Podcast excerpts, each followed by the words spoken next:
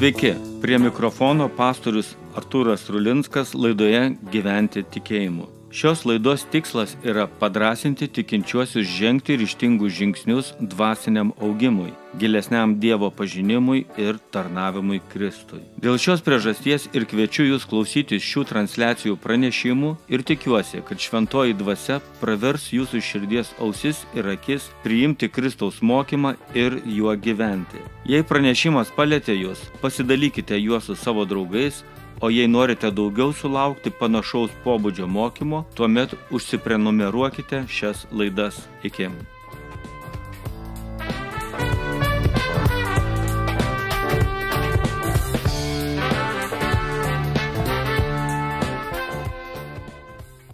Pradedu pamokslų seriją pavadinimu Lankytinos Biblijos vietos. Edeno sodas pagal pradžios antras skyrių 8.25 eilutes. Šiuo laikotarpiu, kai mes tiek daug laiko leidžiame namuose ir stabdydami viruso plitimą esame priversti gyventi uždarą gyvenimą, mano širdyje yra kilęs labai stiprus noras nors kiek pajudėti toliau savo namų ir pakeisti aplinką. Kaip išbadėjęs žmogus pradeda kalbėti apie maistą ir pasakoti savo draugams, kaip skanu būtų pavalgyti paprasčiausio nacionalinio patiekalo, taip šiuo metu aš galvoju, kaip nuostabu būtų pakeliauti po pasaulį ir pamatyti ir tą, ir kitą vietą. Dėl šios priežasties noriu ir bažnyčią pakviesti pakeliauti po pasaulį. Ir mes lankysimės Biblijoje aprašytų pasakojimų vietose. Suprantu, kad Biblijoje yra be galo daug vietovių ir daug ką galima papasakoti, todėl aš darysiu tam tikrą atranką, kuri mano manimu yra naudinga mūsų dvasiniam augimui, mūsų santykiams, mūsų savasties susipratimui ir panašiai.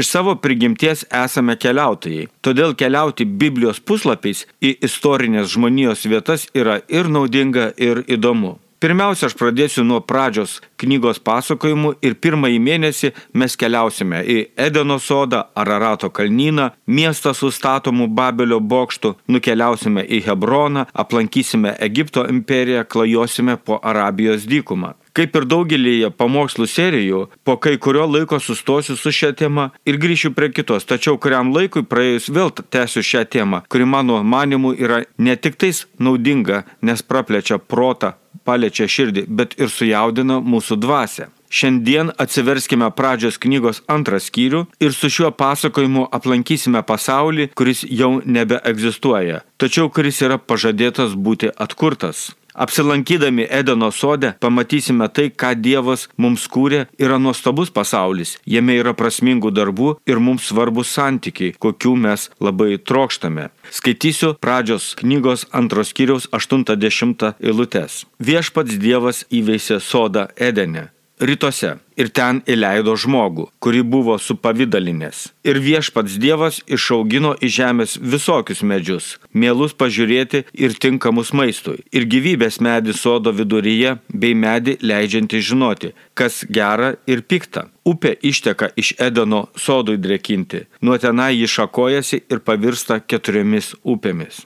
Edeno sodas yra nuostabus pasaulis. Pirmiausia, apie tai noriu kalbėti. Visi mes, jei tik turėtume galimybę, norėtume gyventi vietoje, kuri būtų nuostabi. Arba nuostabesnė nei ta, kurioje dabar gyvename. Jeigu noriu statytis namą ir perku sklypą, tai šio kaina būtent priklauso nuo to, kokioje vietoje yra tas sklypas. Vieta, vieta ir dar kartą vieta yra svarbiausias sklypo vertės faktorius. Panašiai yra ir su šalimi. Vienos šalis yra gražios akiai, turtingos natūraliais žemės resursais, jose yra malonus klimatas ir daug nuostabių lankytinų vietų laisvalaikiui praleisti. Tokiose šalise žmonės mieliau renkasi gyventi nei ten, kur yra dyka ir tuščia, labiau baisu negu gražu, pavojingiau nei saugu, labiau reikia ištverti nei maloniai mėgautis kuomet viešpat sukūrė pasaulį, tai kaip atskirą projektą jis įveisė sodą Edene, rytuose ir ten įleido žmogų, aštunta eilutė. Dievo kurtame pasaulyje pati nuostabiausia vieta žmogui gyventi ir buvo Edeno sodas. Šį sodą ankstyvųjų įvykių pasakotojas apibūdina tokiais žodžiais.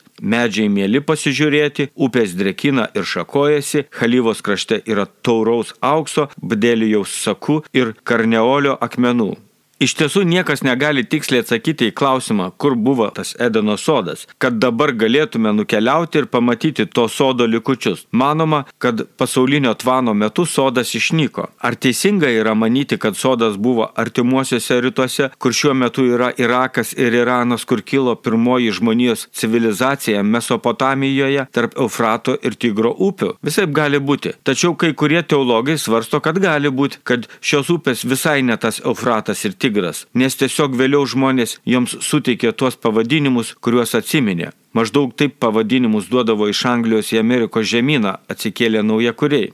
Gali būti, kad jos yra ir tas pats Eufratas ir Tigras, o kitos dvi upės išnyko. Upėms yra būdinga keisti tekėjimo vagą, išsiplėsti, susilieti. Apie Edeno sodą noriu pastebėti kelis dalykus, kurie mums yra pravartus suprantant tai, kad Dievas mus įkūrė šioje žemėje. Pirmiausia, tai krašto, kuriame buvo įkurtas sodas pavadinimas. Edenas hebrajų kalboje labiausiai gali reikšti malonumas. Tas žodis Eden yra pasakojame apie Sarą, kuri išgirdusi žinę, kad jai gims Izaokas, sako, po to, kai nuvytau, negi patirsiu džiaugsmą, tai yra Eden.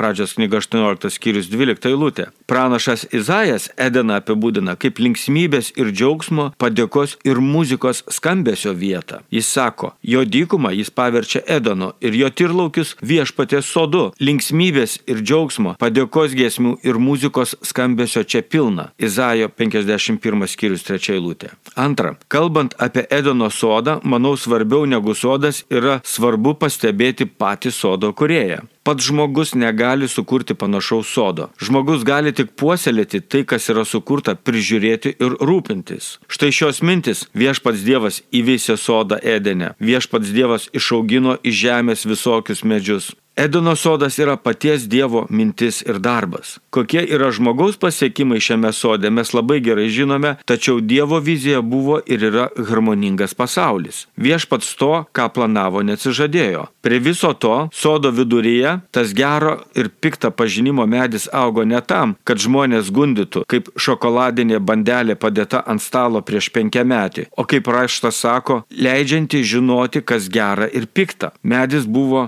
pažinimo šaltinis. Gero ir pažinimo medis tuomet žmogui buvo kaip įstatymas, kaip konstitucija, skatinanti susilaikyti nuo vienų dalykų ir rodanti ženklus daryti kitus darbus, kuriančius gerą. Trečia, tai svarbu yra pamatyti tai, kad sodas turi ribas. Ribos labai aiškiai apibrieštos upių. Yra sunku nusakyti, kokio dydžio sodas buvo, tačiau komentaruose teologai laikosi savo nuomonės, kad sodo teritorija buvo maždaug nuo Etiopijos iki Armenijos ir nuo Arabijos iki Turkijos labai erdvi vieta dviem žmonėms pradedant kurti civilizaciją. Kita išvalga, kad pasaulis už ribų yra kitoks, nelabai tinkama žmonėms gyventi, kad tame pasaulyje už ribų yra ir pavojingiau ir yra priešų. Beje, apie sodą mes turime kalbėti ne vien tik iš mūsų perspektyvos, bet ir iš Dievo. Ką viešpačiui reiškia ši nuostabi vieta? Daugelis mes turime arba senus tėvus, arba mačiutę kaime, arba esame buvę kaime ir matę, kaip kaimiečiai gyvena. Bulvės, runkelius, kopūstus jie sodina kažkur toliau už sodybos laukia ne. Ekonominiai reikalai yra už namų ribų. Obelis, vyšnios, slyvos, avietės, braškės taip pat auga šiek tiek toliau nuo namo prižiūrimame sode ar darželėje tačiau jau yra arčiau. Į sodą nueisi greičiau negu į daržą. Tai tokie pramoginiai, širdies dalykai. O visai šalia, einant prie namo, nuo gatvės ar nuo kiemo, po langais auga gražiai prižiūrėtas darželis, kuriame pilna geltonos, mėlynos, raudonos, violetinės spalvų gėlių. Šiame darželyje mėgsta skraidyti drugeliai, lankytis bitutės. Darželis yra ypatingoje vietoje, arti ir netolimame laukia, bet prie namo, kad papuoštų namus ir džiugintų jų šeimininkus. Darželis prieš namo langus yra močiutės Edeno sodelis. Gėlių darželis nėra nei ekonomika, nei pramoga, bet sielos dalykai - atsigaivinti. Be abejo yra ir tokių sodybų, kur po lankais vietoj darželio dilgelės auga, tačiau tai jau labiau parodo, kad žmogus puolė ir kurio gyvenime Edono sodas tikrai stipriai išdarkytas. Antra, noriu kalbėti apie tai, kad Edeno sode buvo daug prasmingo darbo. Skaitau toliau. Viešpats Dievas paėmė žmogų ir jį įkurdino Edeno sode, kad šį įdirbtų ir sergėtų. Ir viešpats Dievas įsakė žmogui tardamas, nuo bet kokio sodo medžio tau leidžiama laisvai valgyti, bet nuo medžio, leidžiančio žinoti gerą ir piktą, tau draudžiama valgyti, nes tą dieną, kai valgysi nuo jo, turėsi mirti. Pradžios antras skyrius 15-17 eilutė. Beje, turiu klausytojui priminti, kad skaitau Algirdo Jurieno vertimą. Žmogaus yra tokia prigimtis, kad žmogus nori veikti. Sukurtas pagal Dievo paveikslą, žmogus negali tiesiog po medžiu dripsoti ir nieko nedaryti. Taip gyvendamas praranda žmogiškumą ir pradeda veikti atvirkštinis evoliucijos dėsnis. Viešpats įkurdinės iškart ir pasakė, ką žmogus turėtų veikti šiame sode. Sodą reikia įdirbti ir saugoti. Taigi apie šiuos du dalykus dabar ir kalbėsime. Edeno sodas tobulai sukurtas, bet neužbaigtas. Tai nebuvo viešpatės klaida, bet Dievo dovana žmogui užbaigti formuoti ir puoselėti sodą. Sodo aprašyme jau skaitėme apie tai, kad ten buvo upės, nuostabus medžiai, taurus metalas, brangakmeniai. Dievas sukūrė žmogų ir paliko jam laisvę kurti savo pasaulį taip ir jį daryti tokiu, kaip jam atrodo yra gražiau. Sode buvo visko, ko tik žmogaus fantazija galėtų panorėti. Mes žinome tai, ką reiškia gyventi, kai nėra darbo. Arba labai sunku yra surasti darbą. Arba darbas nesiseka. Arba darbas vargina. Arba norisi viską mesti ir iškeliauti atostogų. Tokiu atveju žmonės ieško darbo ten, kur jo yra, kuris yra lengvesnis ar labiau atlyginantis. Esame jau pripažinę, kad darbas yra be nesvarbiausia žmogaus saviraiškos veikla. Į užsienius keliauja ne tik tie žmonės, kurie čia neranda darbo ir negali pragyventi, tačiau ir tie, kurie ir čia turi gerai apmokyti mokamą ir įdomų darbą, bet ten jie gali uždirbti dar daugiau ir to darbo patirtį vertina taip, kad verta viską palikus mėginti padirbėti, kad ir kitoje kultūroje, pasinaudoti galimybėmis. Edeno sodas buvo tas, kurį būtų absurdiška palikti ieškant darbo kitur, nes Edene darbo buvo apščiai ir visokio. Ir žmogui dėl darbo nebuvo nuobodu, nes jo buvo ir protui, ir širdžiai, ir sielai. Pavyzdžiui, vienas iš žmogaus darbų tai buvo įvertinti gyvūnus ir jiems suteikti vardus. 20 eilutė sako, kad žmogus davė vardus visiems gyvuliams, dangaus paukščiams ir visiems lauko žvėrims. Mes matome, kokius nuostabius statinius gražius miestus žada atimančius parkus šiame korumpuotame ir puolusiame pasaulyje gali sukurti žmogus. Tai ką ir kokį harmoningą pasaulį tinkama gyventi tiek gyvūnams, tiek žmonėms buvo galima padaryti Edeno sode, turint visokių natūralių žemės resursų, net įsivaizduoti nepaėgiau. Kadangi viešpats neatsižadėjo savo plano ir jis mums yra suteikęs antrą galimybę Edeno sodui, arba jau kitaip vadinamam miestui dangiškai Jeruzalėje, tai mes turime vilti ir pasitikėdami Dievu žinome, kad viskas bus gerai. Edeno sodas, nors ir buvo tobulai sukurtas, tačiau be darbo jį reikėjo dar ir saugoti. Yra mano antras teiginys šiame skereliuje. Biblijos vertėjai daugelįje vertimų renkasi vieną iš kelių šio hebrajiško žodžio reikšmių Tačiau manoma, kad tikslesnis vertimas yra labiau saugoti ir sergėti nei rūpintis. Šis žodis nekarta yra paminėtas, kad kunigams buvo įsaugyta saugoti, kaip nurodyta, atliekant savo religinės pareigas ir ypač saugoti šventyklą. Skaičių knygoje 1 skyrius 53 eilutė taip pasakyta. Levitai eis sandoros padangtis sargybą. Kaip Izraelio šventikla turėjo būti saugoma nuo visokių asmenų norinčių į ją įsilaužti ar įeiti, taip ir sodas turėjo būti saugomas nuo nepageidaujamų asmenų ir priešų, apie kuriuos mes nelabai ką ir žinome.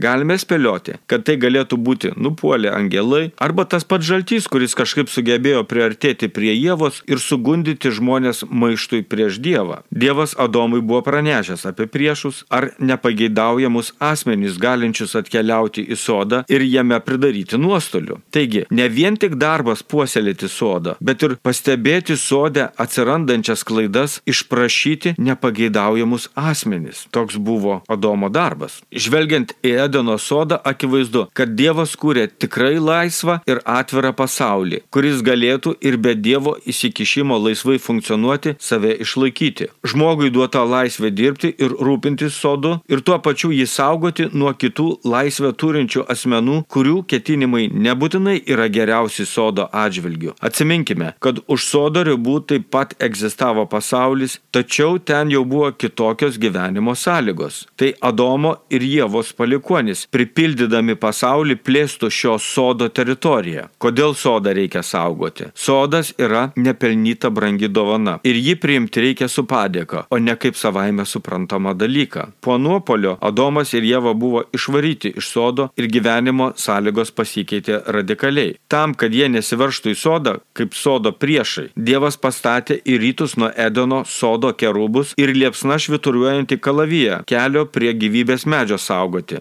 Pradžios knyga 3 skyrius 24 eilutė. Kadangi žmogus nesaugojo sodo, tuomet Dievas pasirūpino jo saugumu iki tam tikro laiko, kada vėl žmonėms bus galima leisti jame gyventi. Šiandien šią Edeno sodo analogiją galima kažkiek pritaikyti ir kiekvienam mūsų asmeniškai. Mūsų širdis, tai yra siela, mums yra kaip Edeno sodas. Patarlėse juk parašyta, atsidėjęs saugok savo širdį, nes iš jos teka gyvenimo šaltiniai. Ketvirta patarlė 23 eilutė. Už savo širdį esame atsakingi tik mes patys ir niekas kitas. Savo sielą mes galime praplėsti rūpindamėsi savo širdimi, praplėsdami ją meilę, gerumu, gailestingumu, romumu. Savo sielą tobuliname lavindami protą, įsidėmėdami ir prisimindami įvairius sudėtingus dalykus. Kita vertus, savo sielą galima užteršti, sugadinant tiek savo širdį ir protą, nukreipiant juos tą pažinimo kryptimi, kuri veda ne į gerą, bet į piktą, ne į Dievo garbinimą, bet į savęs sureikšminimą. Mes privalome savo sielą sergėti, kaip Adomas privalėjo sergėti Edeno sodą, kaip kunigams dėrėjo sergėti šventyklą priešas tikrai ateis ir norės į mūsų širdį pripilti purvo, sutrypti mūsų saugomą sodą, išsityčioti iš pikto ir gero pažinimo medžio, apgaulę ir melagienomis mus gundis. Vis dėlto mums yra duota Dievo gale ne tik atsilaikyti ir pasipriešyti, bet ir įveikti nuodėmę. Kainų Dievas sako pradžios ketvirtame skyriuje septintoje eilutėje, jei gerą nedarai, prie durų ir iš pasalų tykoja nuodėmė, ji geidžia tavęs, bet tu gali ją įveikti. Taigi, pasikliauk Dievo žodžiu, sek Kristumi, būk jautrus šventajai dvasiai, vertink savo bendruomenę. Esi per silpnas vienas išsaugoti savo sodą, nes priešas dabar yra daug stipresnis ir su didesnė patirtimi įeiti į tavo šventovę ir ją pridergti. Sergėti savo sielą man ir tau yra prasmingas darbas ir turbūt svarbiausias šalia visų kitų. Na ir trečia, Edono sode svarbus santykiai. Viešpats Dievas pagalvojo, negera žmogui būti vienam, jam padarysiu tinkamą pagalbininkę. Tada viešpats Dievas leido kietam miegui apimti žmogų ir tas užmygo. Jis išėmė vieną jo šonkaulių ir jo vietą užpildė kūną. Paskui viešpats Dievas sukūrė iš šonkaulio, kurį buvo išėmęs iš žmogaus moteriškę ir ją atvedė pa žmogų. Ir jie, abu, vyras ir jo žmona, buvo nagi, tačiau nesigėdėjo vienas kito. Pradžios antras skyrius 18-25 eilutės. Į Edeno sodą labai norėčiau būtent dėl to, kad Dievas ten kūrė atvirą ir mylinčią visuomenę. Ką reiškia atvira visuomenė? Kur asmenys vieno kito nepažeisdami bendrauja ir tą bendrystę džiaugiasi. Kur draugystės yra ne dėl vartojimo ir naudos, o iš meilės ir vienas kito puoselėjimo. Kaip sodė buvo pasakyti Adomui jį įdirbti ir sergėti, tai tas pats buvo pasakyta ir santykių prasme. Jei gyventume Edene, tai vienas kitą mes ir puoselėtume ir sergėtume stebėtume. Šie santykiai yra ne tik tarp žmonių, bet ir su Dievu, kuris ateidavo į sodą pasivaikščioti ir pabendrauti ir su jo kūrinė pabūti. Pirmiausia, mes pažvelkime į pirmąją šeimą. Tinkama žmona, tinkamas vyras. Ne Adomas pasakė, bet Dievas pagalvojo, negera žmogui būti vienam. Tokiu būdu iš paties Adomo jį užmygdant ir išimant šonkaulį yra sukurta moteris. Jei Adomas buvo sukurtas iš žemės dulkių, tai moteris jau buvo kuriama iš pirmojo žmogaus. Kaip kartais mokiniams duodama spėlioti, kas buvo pirmas - višta ar kiaušinis, taip galima kalbėti tarp Adomo ir Jėvos skirtumų nuo mūsų. Turėjo jie bambą ar neturėjo. Tinkamas yra labai geras žodis pasakyti, kokių santykių Dievas nori žmonėms. Tinkamų. Tarp vyro ir žmonos, tinkamų tarp tėvų ir vaikų, tinkamų tarp giminių, tinkamų tarp mokytojų ir mokinių, tinkamų tarp kaimynų, tinkamų tarp bažnyčios narių, tinkamų visuomenėje ir jos vadovų, tinkamų versle, tinkamų su Dievu. Tinkamai reiškia vienas kitą papildantis ir užbaigiantis. Sakyčiau, kaip sudedant piešinį iš mozaikos detalių, kuomet vieną detalę gali paimti ir įdėti ir ji lengvai įsideda, o nespaudi ją su prievarta, kad žud būt jinai įtita į formelę, bet tuomet skiriasi jos piešinys. Įsivaizduokime, kaip smagu būtų atvykti ir pabūti Edeno sode, nes tau kažkas pasakys, kaip ilgai tavęs laukiame, kur užtrukai, tavo vieta tuščia ir be tavęs mes niekaip negalime. Būdamas Edeno sode, tiesiog jausi ir matysi savo gyvenimo prasme ir nereikės jokių įtikinėjimo kalbų ar motivacinių seminarų. Tu esi savo vietoje. Antra, tai Edeno sode noriu pažymėti tai, kad vyras ir moteris buvo nuogi. Ne, man neužsinorėjo pabūti nudistų kolonijoje.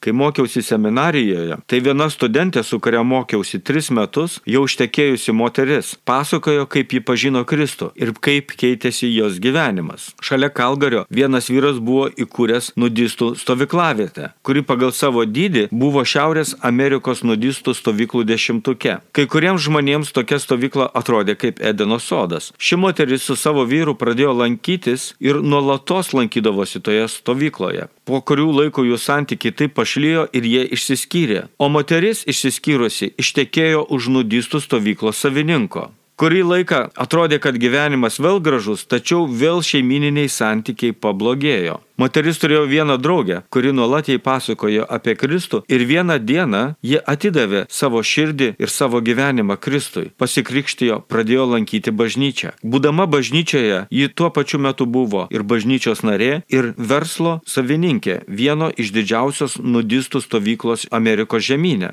Suprasdama, kad tokių darbų negarbina viešpatės, nes verslas tai vyro, ji prašė bažnyčios maldos. Bažnyčia meldėsi ir nudistų pradėjo mažėti. Prastai besiklos Bręstant finansams stovyklo teko perorientuoti į šeimoms tinkamą stovyklavietę. Kai aš mokiausi seminarijoje, jau abu eksnudistai buvo tikinti žmonės lankantis tą pačią bažnyčią kaip ir aš. Ir jie tapo mano gerais draugais. Nekartą esu buvęs jų šeimų stovykloje. Šiais laikais kopijuoti Edeno sodą nuogumu niekam nepavyksta. Nuogumas iš esmės labiau skaldo ir skaido nei vienyje. Tarpusavio santykiams nėra gerai. Tai, kad Edenio sodė žmonės buvo nagi, reiškia, jie bendravo ir jų tarpe nebuvo nei gėdos, nei kaltes. Gyvenimas buvo atviras ir džiaugsmingas, be apgavyščių, be machinacijų, be paslapčių, be klastos, be kaltinimų, be suvedžiojimų, be išnaudojimo. Žmonėms Edeno sode tiko būti nuogiems. Būdami nuogi, jie buvo nuogi ir prieš Dievą. Manau, kiekvienas mūsų šiandien nori gyventi aplinkoje, kur santykiai yra svarbus. Kiekvienas norime įkurti savo šeimą Edeno sode, susirasti darbą, turėti draugų ir giminių, planuoti atostogas. Pabaigai. Biblijos pasaulyje mintis sugrįžti į Eteno sodą neišnyko iš žmonių minčių. Metraščių knygoje skaitome, kaip žmonės miestą pavadina Edenu, arba kaip vyras savo sūnui duoda Edeno vardą. Antra metraščių knygas 29 skyrius 12 eilutė. Pranašai kalbėdami apie viltį primindavo žmonėms apie prarastą, tačiau ne visam laikui Edeno sodą ir jo grožį. Mūsų laikais yra rašomos knygos naudojant Edeno sodo pavadinimą. Esu matęs tokių pavadinimų pavadintą striptizo klubą. Arba kai žmonės parduoda prekes ir nori pavadinime pasakyti, kad jos yra labai kokybiškos, tai naudoja Edeno žodį. Ką mes turime žinoti apie šį sodą, į kurį dabar nukeliauti negalime, bet apie kurį galime svajoti? Manau, mes net ir gyvendami už Edeno sodo ribų galime stengtis gyventi taip, tarsi būtume Edeno sode.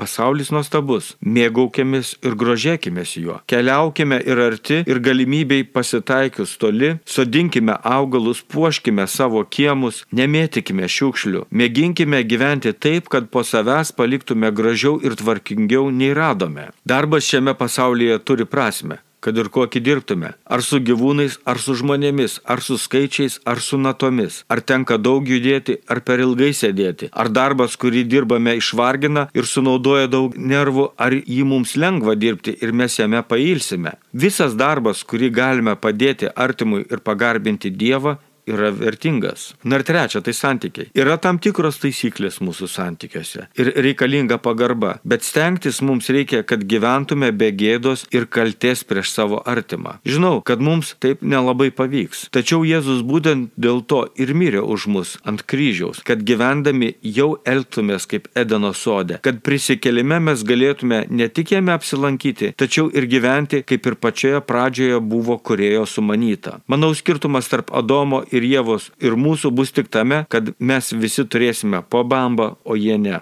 Iki.